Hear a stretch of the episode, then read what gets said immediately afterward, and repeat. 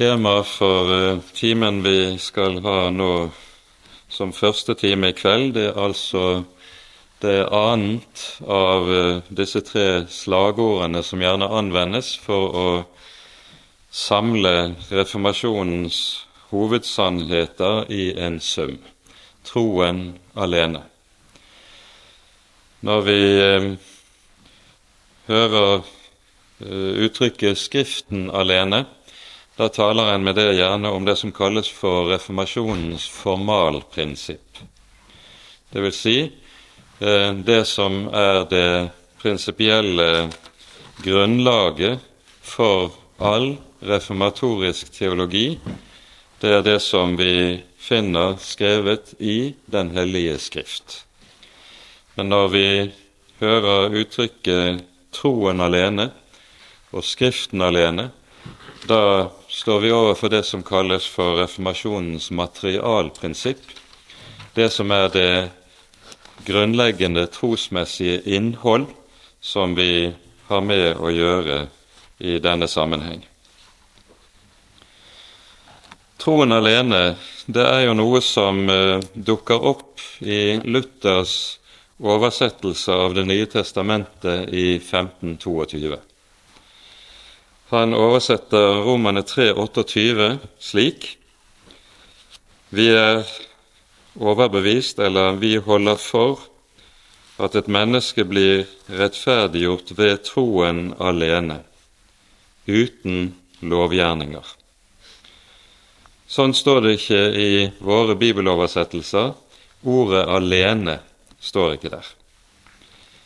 Men Luther oversatte altså slik og eh, når Luther oversetter slik, så eh, dukker eh, de katolske lærde umiddelbart frem og sier Luther har lagt noe til Den hellige skrift.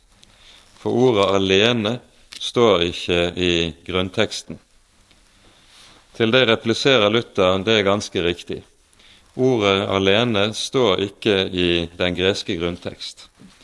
Men skal du oversette det som står på gresk, korrekt til tysk, så må du si ved troen alene, for det er slik man formulerer to motsatser i det tyske språk, og dermed så må det oversettes på det vis hvis det skal være en korrekt gjengivelse av meningen i gresk.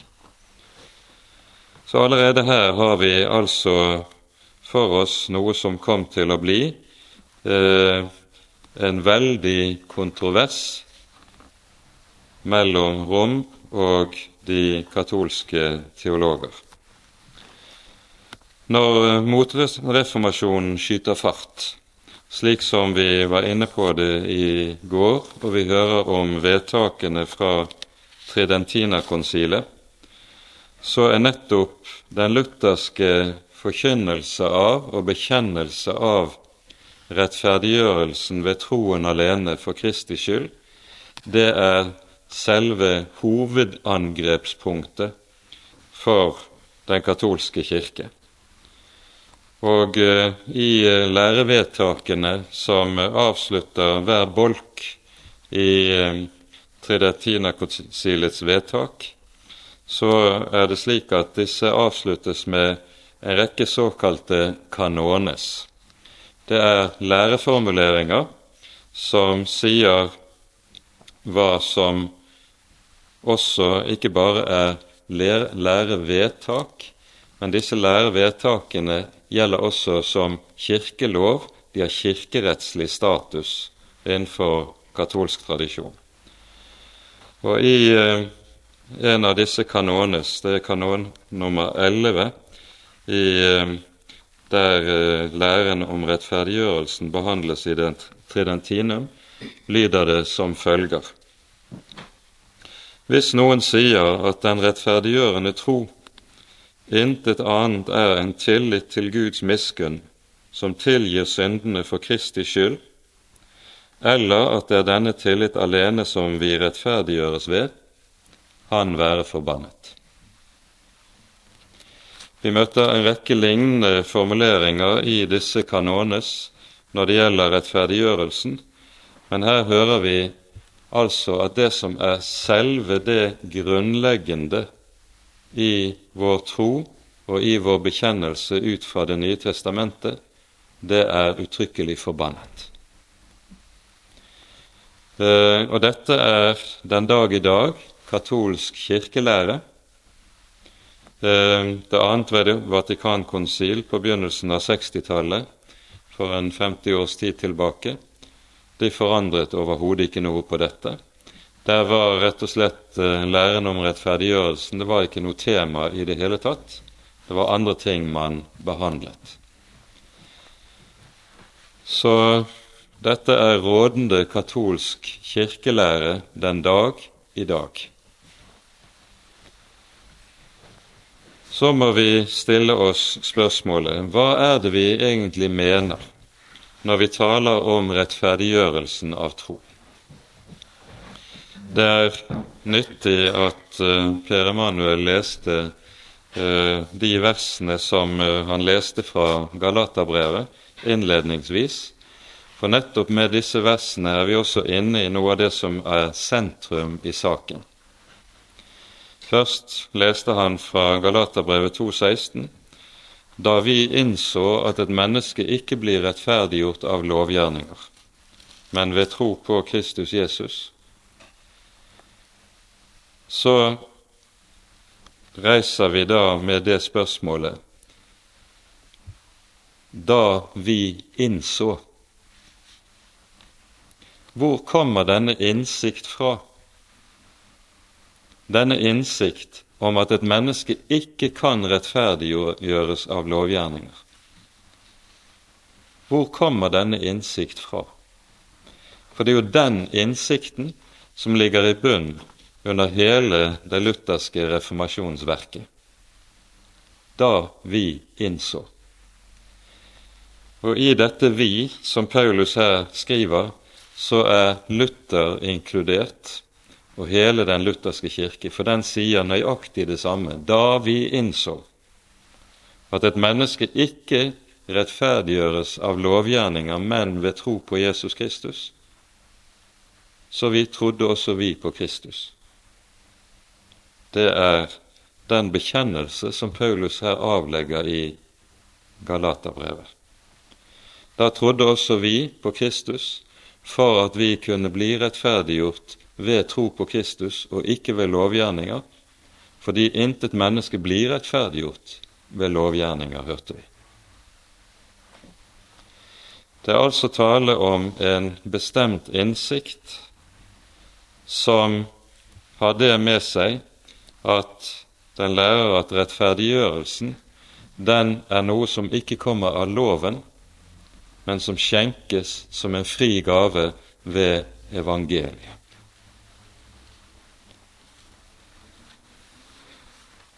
Denne frie gave, den er noe som synderen tilegner seg ved tro, og ved troen alene. I Romerbrevets fjerde kapittel leser vi slik i det femte verset. Den derimot som ikke har gjerninger, men som tror på Ham som rettferdiggjør den ugudelige, han får sin tro tilregnet som rettferdighet. Og Det som sies da i forkant av dette, det er at Paulus tar opp spørsmålet om hvorvidt Abraham eide noen fortjeneste og om denne eventuelle fortjeneste var det som var årsaken til at Abraham ble rettferdiggjort. Paulus skriver hva skal vi så si at vår far Abraham oppnådde etter kjødet? Dersom Abraham ble rettferdiggjort på grunn av gjerninger, da har han jo noe å rose seg av. Men det har han ikke for Gud. For hva sier Skriften? Abraham trodde Gud, og det ble regnet ham som rettferdighet. Den som har gjerninger, får ikke lønnen av nåde, men som noe han har fortjent. Det er fortjeneste. Og så lyder det i fortsettelsen den derimot som ikke har gjerninger, men tror på ham som rettferdiggjør den ugudelige, ikke som rettferdiggjør den fromme, ikke som rettferdiggjør den som har forsøkt å forbedre seg, men altså består radikalt nok 'den ugudelige'. Ham tilregner Gud, han får sin tro tilregnet som rettferdighet. Troen alene, troen alene hos den ugudelige. Og Så var det jo da også interessant at Per Emanuel leste ordet fra Galatane 5, vers 6. Det gjelder verken omskjærelse eller forhud noe, men bare tro virksom i kjærlighet. For nettopp dette ordet i Galatane 5.6, det blir sitert fra katolsk hold som skriftbevis mot Luther.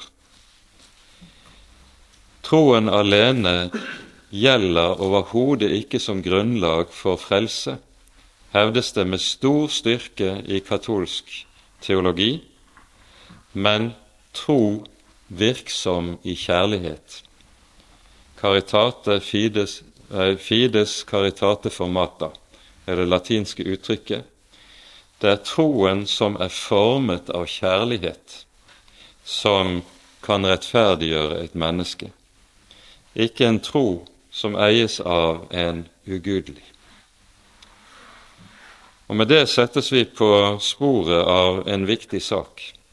Når Den katolske kirke taler om troen, så mener den noe ganske annet også med dette begrep enn Det nye testamentet mener, og som den lutherske reformasjon kommer til å forkynne.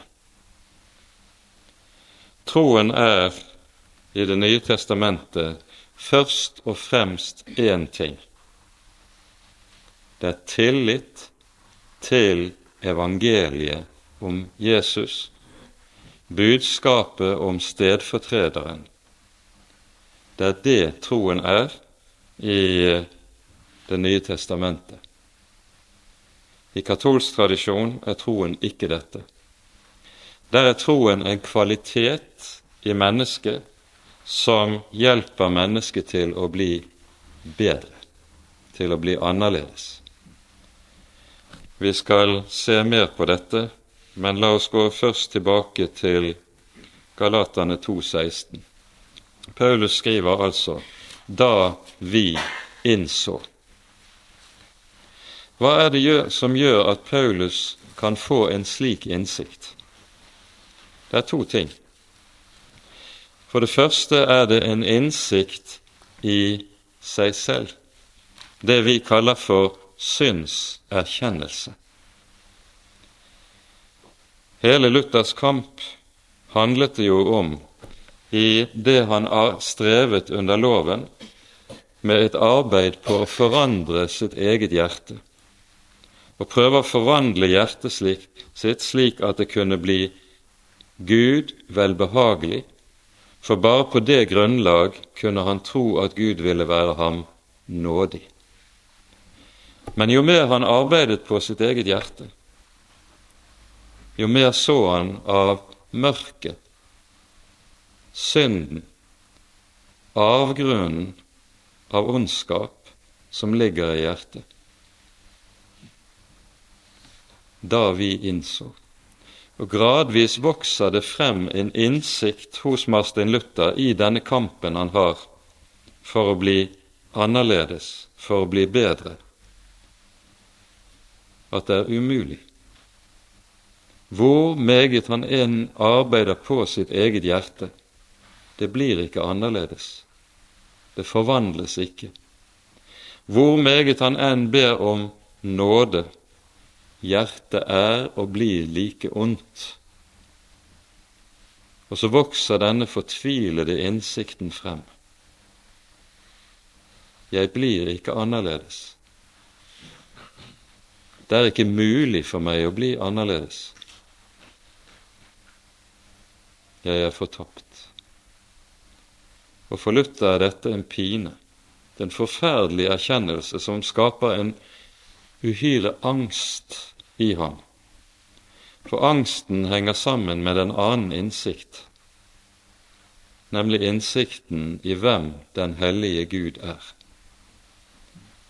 For Skriften taler jo om når Gud i sin hellighet reagerer overfor synden, hva er det Gud da åpenbarer seg som? Han åpenbarer seg som den vrede Gud. Og det er nettopp dette, angsten for den vrede Gud, som rir Luther som en mare i årene med kamp og strid forut for at han får lys i evangeliet. Og dette har ikke vært spøk. Hos Luther blir dette noe som virkelig står der som selve, kanskje det mest essensielle i hele livet hans, da vi innså at et menneske ikke blir rettferdiggjort av lovgjerninger. Det er en innsikt som hviler i og baserer seg i en innsikt om hvem han selv er, og hvem Gud er. Og Det vi da står overfor, det er rett og slett Bibelens lære om, og hva Bibelen vitner om, hvem det falne mennesket er. Arvesynden. Arven fra, fra Adam.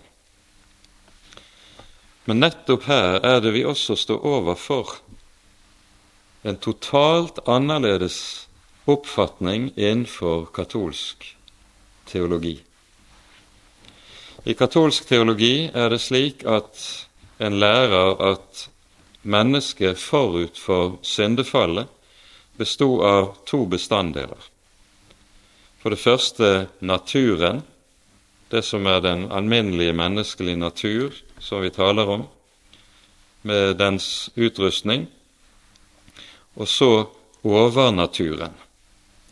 Overnaturen er de nådekrefter som det ikke falne mennesket hadde i sin besittelse, og som gjorde at det mennesket forut for fallet var fullkomment hellig og ren. Det var nådekrefter som var innlagt i menneskets natur. Hva består så fallet i? Det består i at mennesket mister overnaturen, men naturen blir uforandret. Det handler altså om at mennesket mister nådekreftene som lå der i overnaturen, men den menneskelige natur forblir uforandret. Og Dermed så får du en helt annen oppfatning av hva synden er for noe. Synden er en tendens til at mennesket har trang til å gjøre det onde, men det er ikke det at den menneskelige natur i seg selv er blitt ond, er blitt fordervet, er blitt ødelagt. Slik tenker katolsk teologi om det falne mennesket. Og i forlengelsen av dette hører det da også at katolsk lære hevder at når et menneske blir døpt, så blir arven fra Adam renset ut. Mennesket har ikke lenger arvesynd, når det er døpt. Det som blir tilbake, er en gnist av synd, men mennesket er ikke fordervet. Det er altså et helt annet syn på det falne mennesket enn det vi finner i Det nye testamentet. For Luther, når han kjemper sin fortvilede kamp, som ender ut med denne erkjennelsen som vi har vært inne på, da vi innså.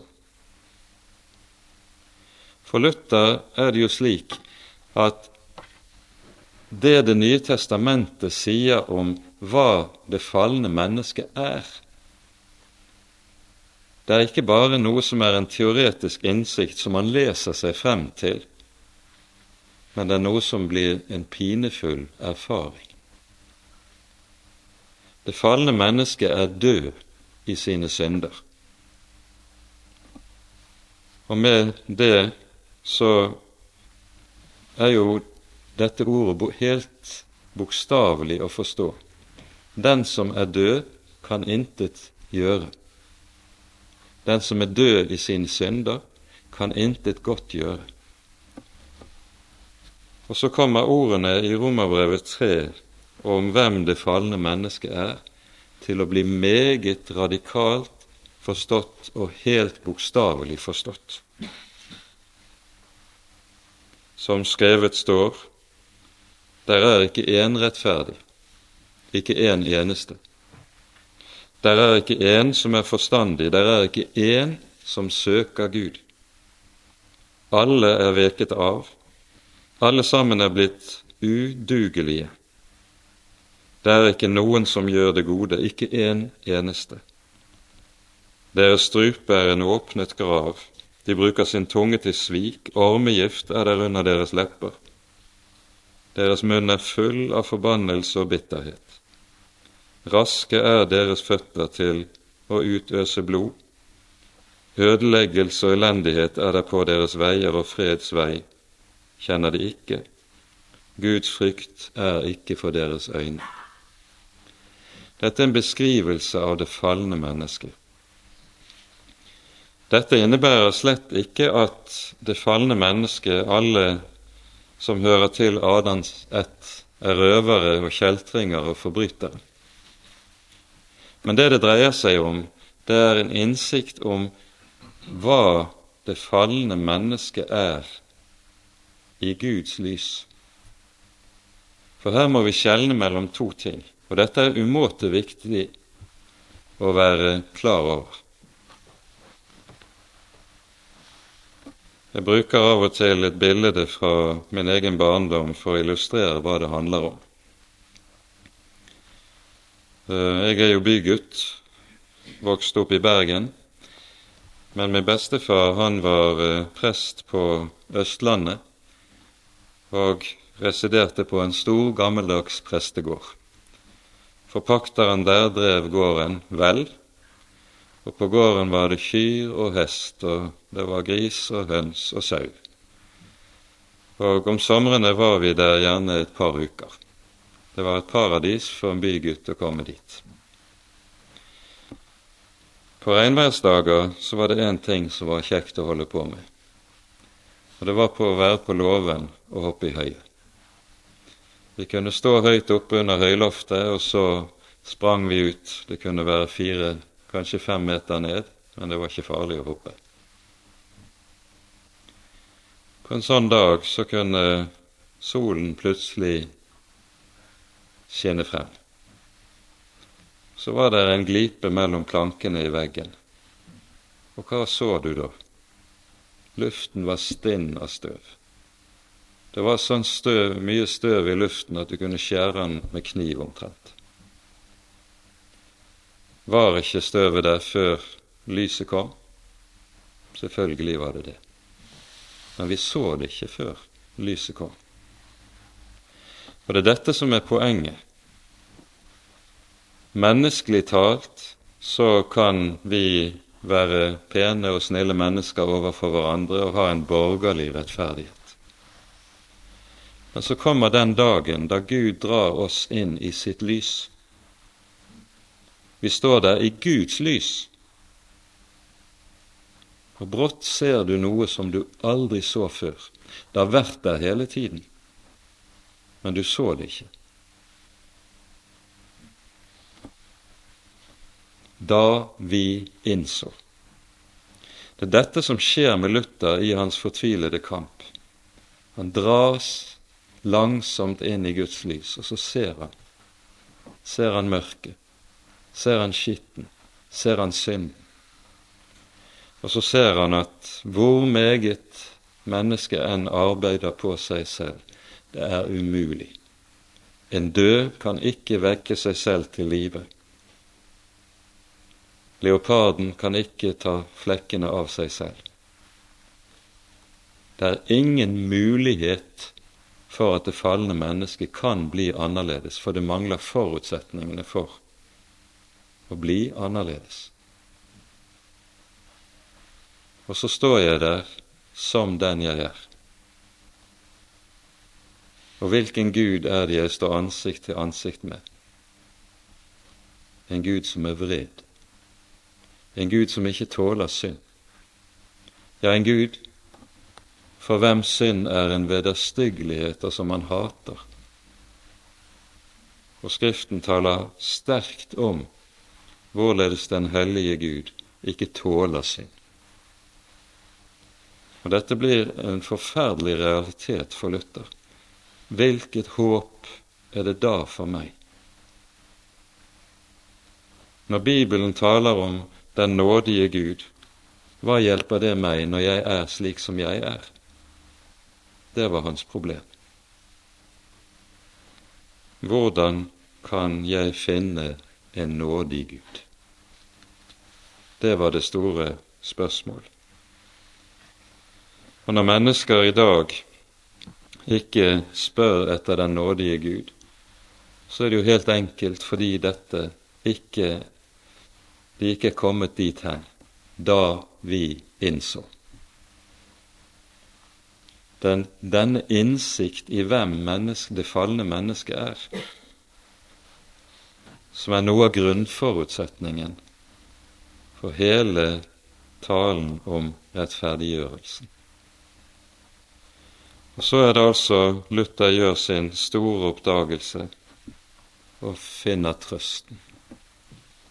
Vi leser i Romerbrevets tredje kapittel videre.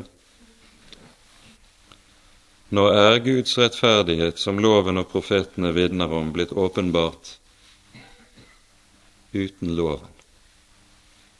Det er Guds rettferdighet ved tro på Jesus Kristus, til alle og over alle som tror, for det er ingen forskjell, alle har syndet og mangler Guds herlighet.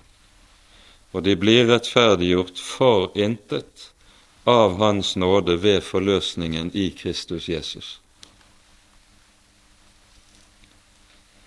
Og så bruker Skriften altså begrepet tilregning. Vi blir tilregnet. Gud tilregner oss en rettferdighet som vi ikke har i oss selv, som det rett og slett ikke er forutsetning for i våre egne hjerter og i våre egne liv. Han tilregner oss en annen manns rettferdighet. For det er det som er hele poenget.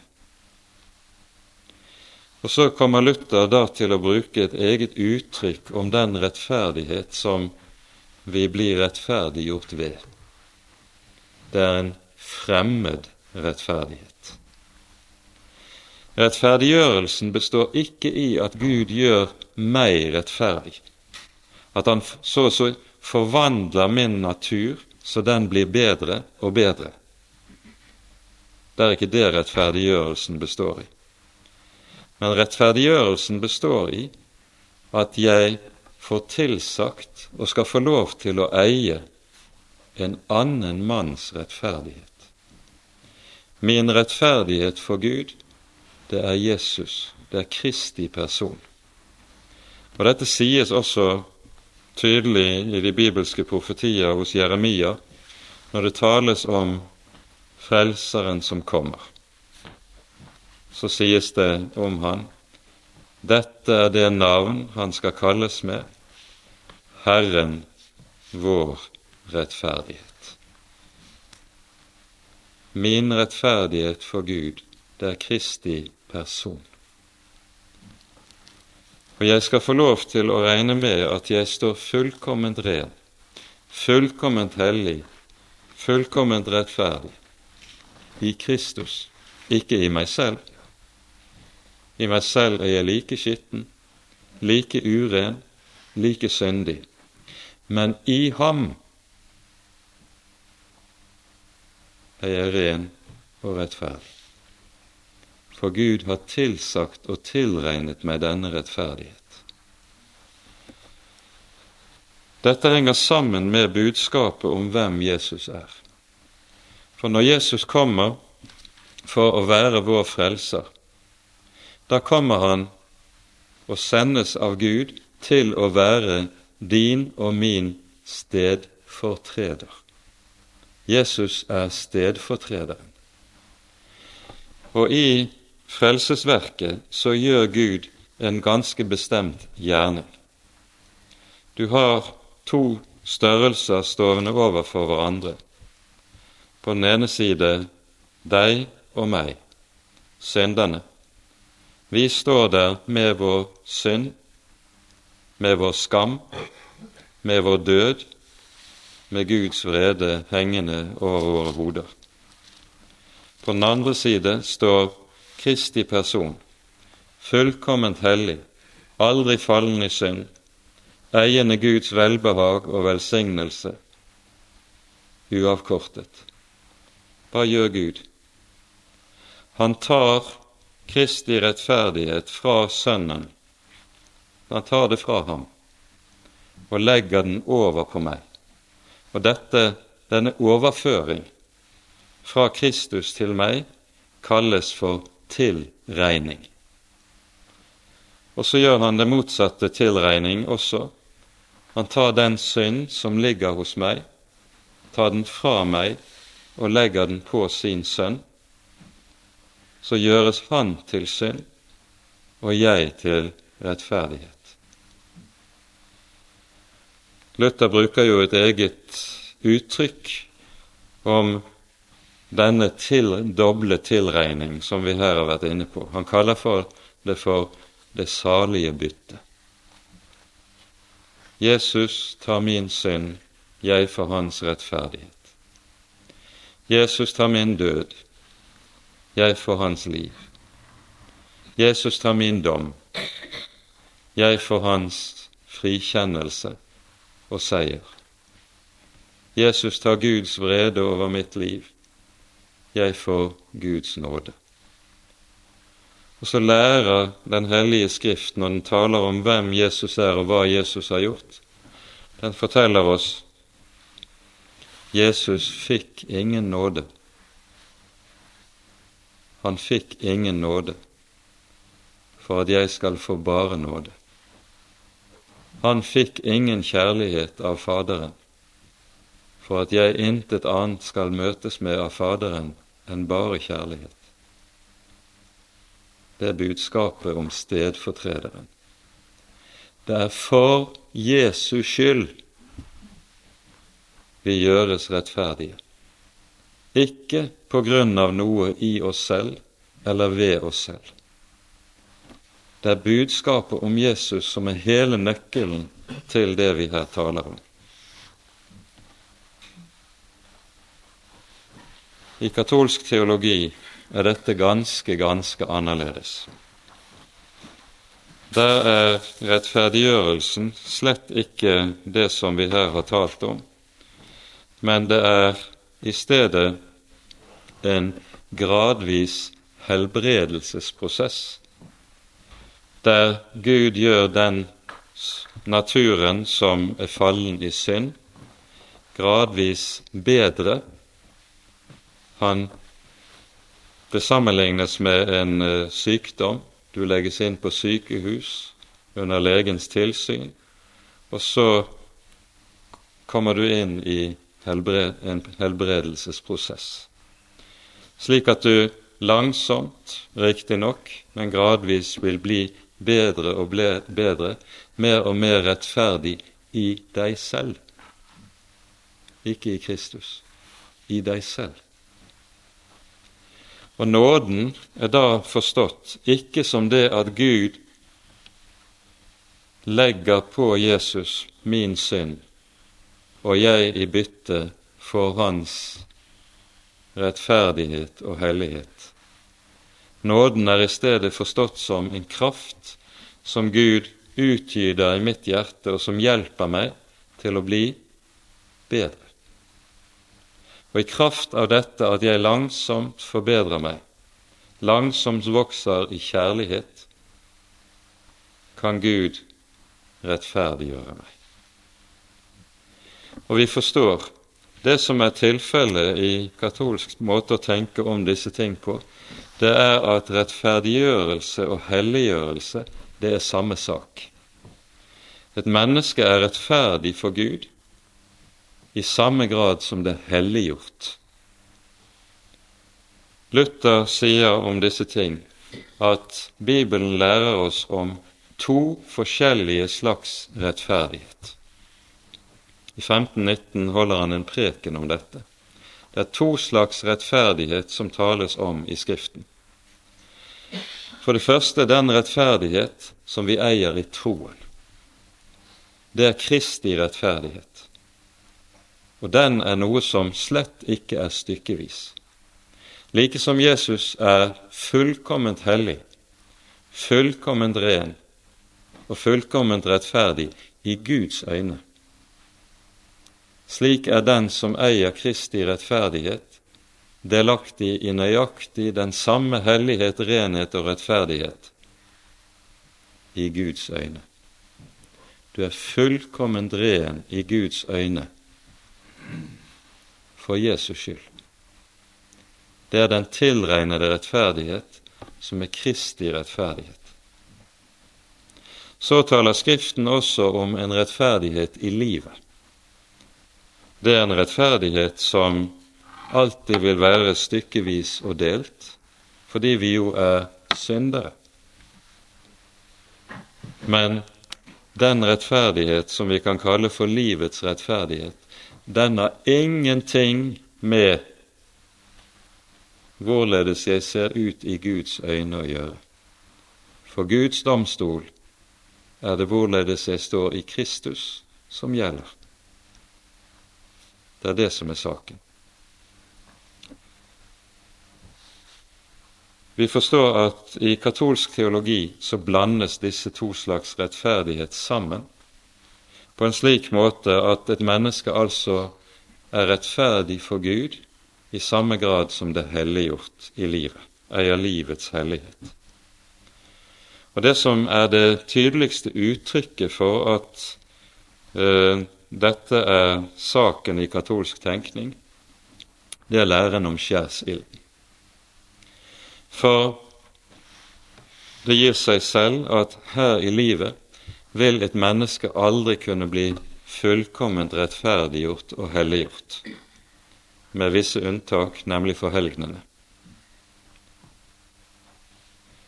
Og når det da gjelder det som gjenstår i helliggjørelse, alt det som jeg ikke har lykkes i å rense meg fra her i livet, det må jeg renses fra etter døden. Følgelig må et menneske tilbringe kortere eller lengre tid i skjærsilden efter død, for å renses fra de, alle de synder en ikke klarte å lutre seg for her i livet. Læren om skjærsilden henger uløselig sammen med den katolske lære om rettferdiggjørelsen. Og så lenge Den katolske kirke ikke avskaffer læren om skjærsilden, så kan du vite med full sikkerhet den har aldeles ikke endret sin lære om hvorledes et menneske blir frelst og rettferdiggjort heller. For læren om skjærsilden den er betinget nettopp av denne måte å tenke om rettferdiggjørelsen som en helbredelsesprosess. For Guds domstol lærer Det nye testamentet oss altså helt annerledes at vi skal få lov til å tro at for Jesus skyld er vi fullkomment rettferdige. Det er Jesu rettferdighet som er min rettferdighet. Dette som vi her er inne på, det er altså den trosartikkel som kalles for den artikkel som Kirken står og faller med. Og dette er ikke et tilfeldig valgt uttrykk av Martin Luther. Det er Luther selv som bruker dette uttrykket om nettopp artikkelen om troens rettferdighet for Kristi skyld. For hele poenget er jo her at dette som er selve kjernen i frelsen, der det ikke finnes, der finnes det heller ingen sann kristen kirke. Der denne sannhet blir borte, der er Kirken falt. Det er den artikkel Kirken står og faller med. Og Luther skriver om dette i de smalkaldiske artikler, det ene bekjennelsesskriftet i Konkordieboken som vi var inne på i går, at fra denne artikkel kan vi ikke vite, vike om så himmel og jord skulle falle. Her er det aldri tale om kompromiss. For går du på kompromiss med denne sannhet, da mister du selve det som er kjernen i et menneskes frelse, og også i et menneskes frelses visshet. For denne artikkel, dette som vi her er inne på, det er jo det som er grunnlaget for alt det vi kaller for frelsesvisshet. Det som er vår, og det er det falne menneskets stadige ulykke, det er trangen til og tendensen til å se inn i sitt eget hjerte og ville bygge på noe i sitt eget hjerte.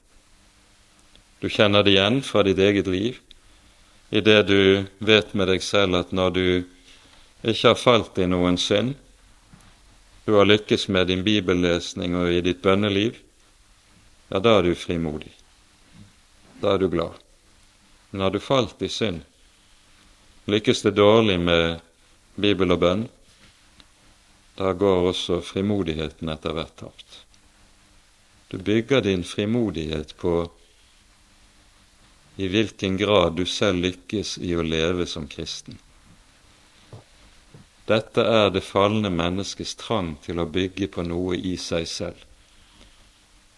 Men det læren om rettferdiggjørelsen peker på for oss, er at min frelse hviler på noe som er gjort utenfor meg, ikke på noe som er skjedd i meg. Min frelse står og faller med det en annen person har gjort, nemlig Jesus Kristus. Han har oppfylt alle betingelser for at jeg skal få være et Guds barn. Og det å være en kristen, det å være en troende, det er helt enkelt å stole på at dette ord om hvem Jesus er, og hva Jesus har gjort, det gjelder for meg.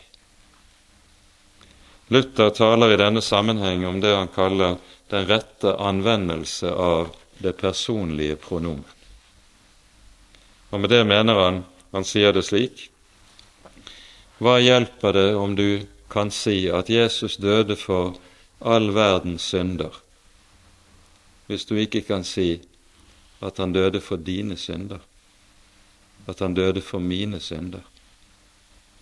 For det er jo det det handler om. Det er min synd, det er min svikt, det er mitt mislykkede kristenliv som hang på korset, og som Jesus ga. Og så handler alt kristent liv om dypest sett å lære seg dette og regne med noe som ligger utenfor meg ikke det som ligger i mitt eget hjerte. Kristus i oss er avhengig av Kristus for oss. Og gjør forkynnelsen Kristus i oss til en hovedsak, og glemmer å tale om at dette er helt avhengig av å hvile på budskapet om Kristus for oss, da føres et menneske uvegerlig inn under loven igjen. Og dette er avgjørende viktig å være oppmerksom på. All tale om Kristus i oss som ikke viser til og lærer oss at dette er avhengig av Kristus for oss, det blir feilaktig forkynnelse.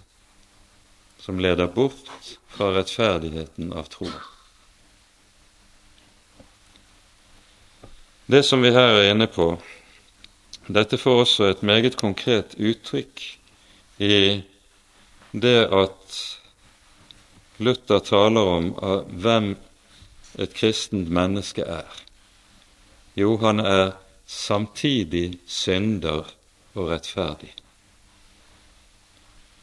I den såkalte felleserklæringen om rettferdiggjørelsen, denne enhetserklæringen om rettferdiggjørelsen, som uh, kom i stand mellom Det lutherske verdensforbundet og Den katolske kirke i 1999, der, etter at uh, dokumentet var noenlunde ferdigstilt av disse som forhandlet det frem, så skulle dokumentet også prøves av troskongregasjonen i Vatikanet. Leder for denne var kardinal Ratzinger, han som senere ble pave, den paven som var før nåværende pave Frans. Og han godtar ikke at det i eh, denne felleserklæringen er tale om det lutherske samtidig synder og rettferdig. Og han forlanger at skal Den katolske kirke kunne underskrive denne erklæringen, så skal det legges til et etterord, et tillegg, som understreker at denne sannhet, den godtas ikke på katolsk hold. Hva ligger det i dette uttrykket at en kristen er samtidig synder og rettferdig? Bakgrunnen for talen om dette er Paulus tale om hvem det falne mennesket er, i Romerbrevets syvende kapittel særlig, men også en del andre avsnitt i Nytestamentet, men særlig Romerbrevet 7. Det er nemlig to modeller å tenke ut ifra på dette området. Den ene modellen en kan tenke ut ifra, er slik som John Wesley gjør det senere, og John Wesley lærer egentlig katolsk på dette området, metodismens grunnlegger på 1700-tallet. Han lærer at når et menneske er blitt en kristen, så er det så å si en enhet der 50% av mennesket er syndig, og 50% av ham er rettferdig. Og så kommer det kristne liv da til å dreie seg om at det skal bli mer og mer av den hellige og rettferdige delen i den kristnes liv, mindre og mindre av den syndige del. Og Teoretisk kan så et kristent menneske nå så langt at det blir uten synd her i tiden. Der kom ut i mellomkrigstiden en av John Wesley sine bøker om dette. og Denne boken heter karakteristisk nok 'Kristelig fullkommenhet'. En kristen kan her i tiden nå til syndfrihet i livet. Og Bakgrunnen for denne tankegangen det er altså hvordan han tenker om hvem det troende mennesket er. Luther tenker helt annerledes.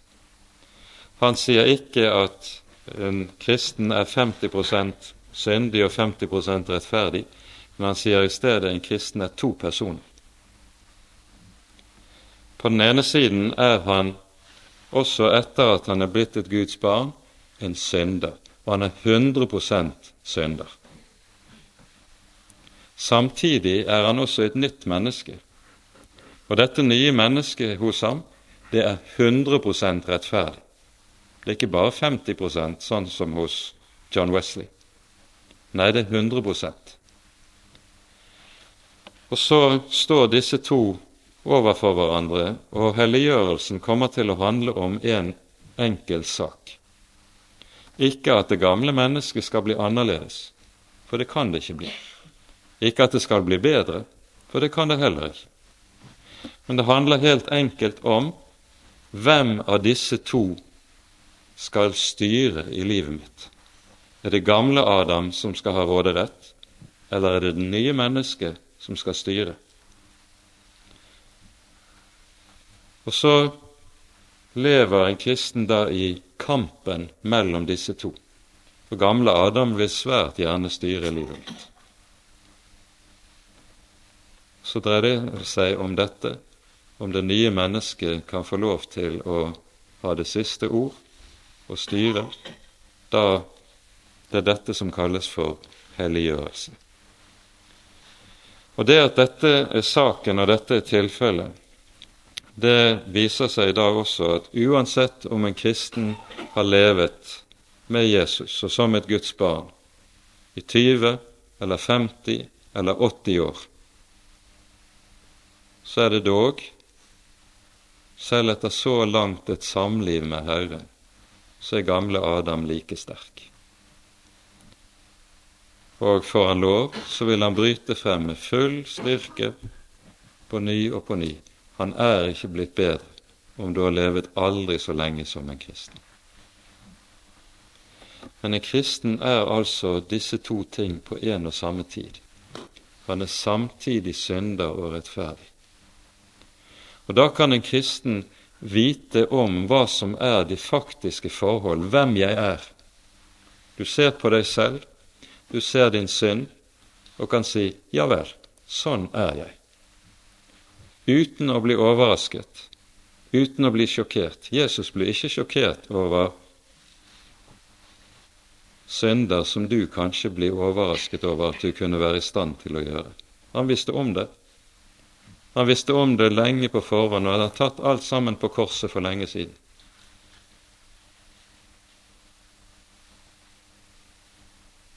Du er 100% synder.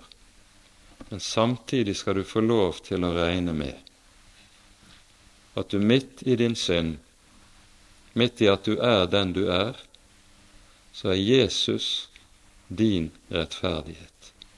Det er Jesus, det er Kristi person, som gjelder i ditt sted.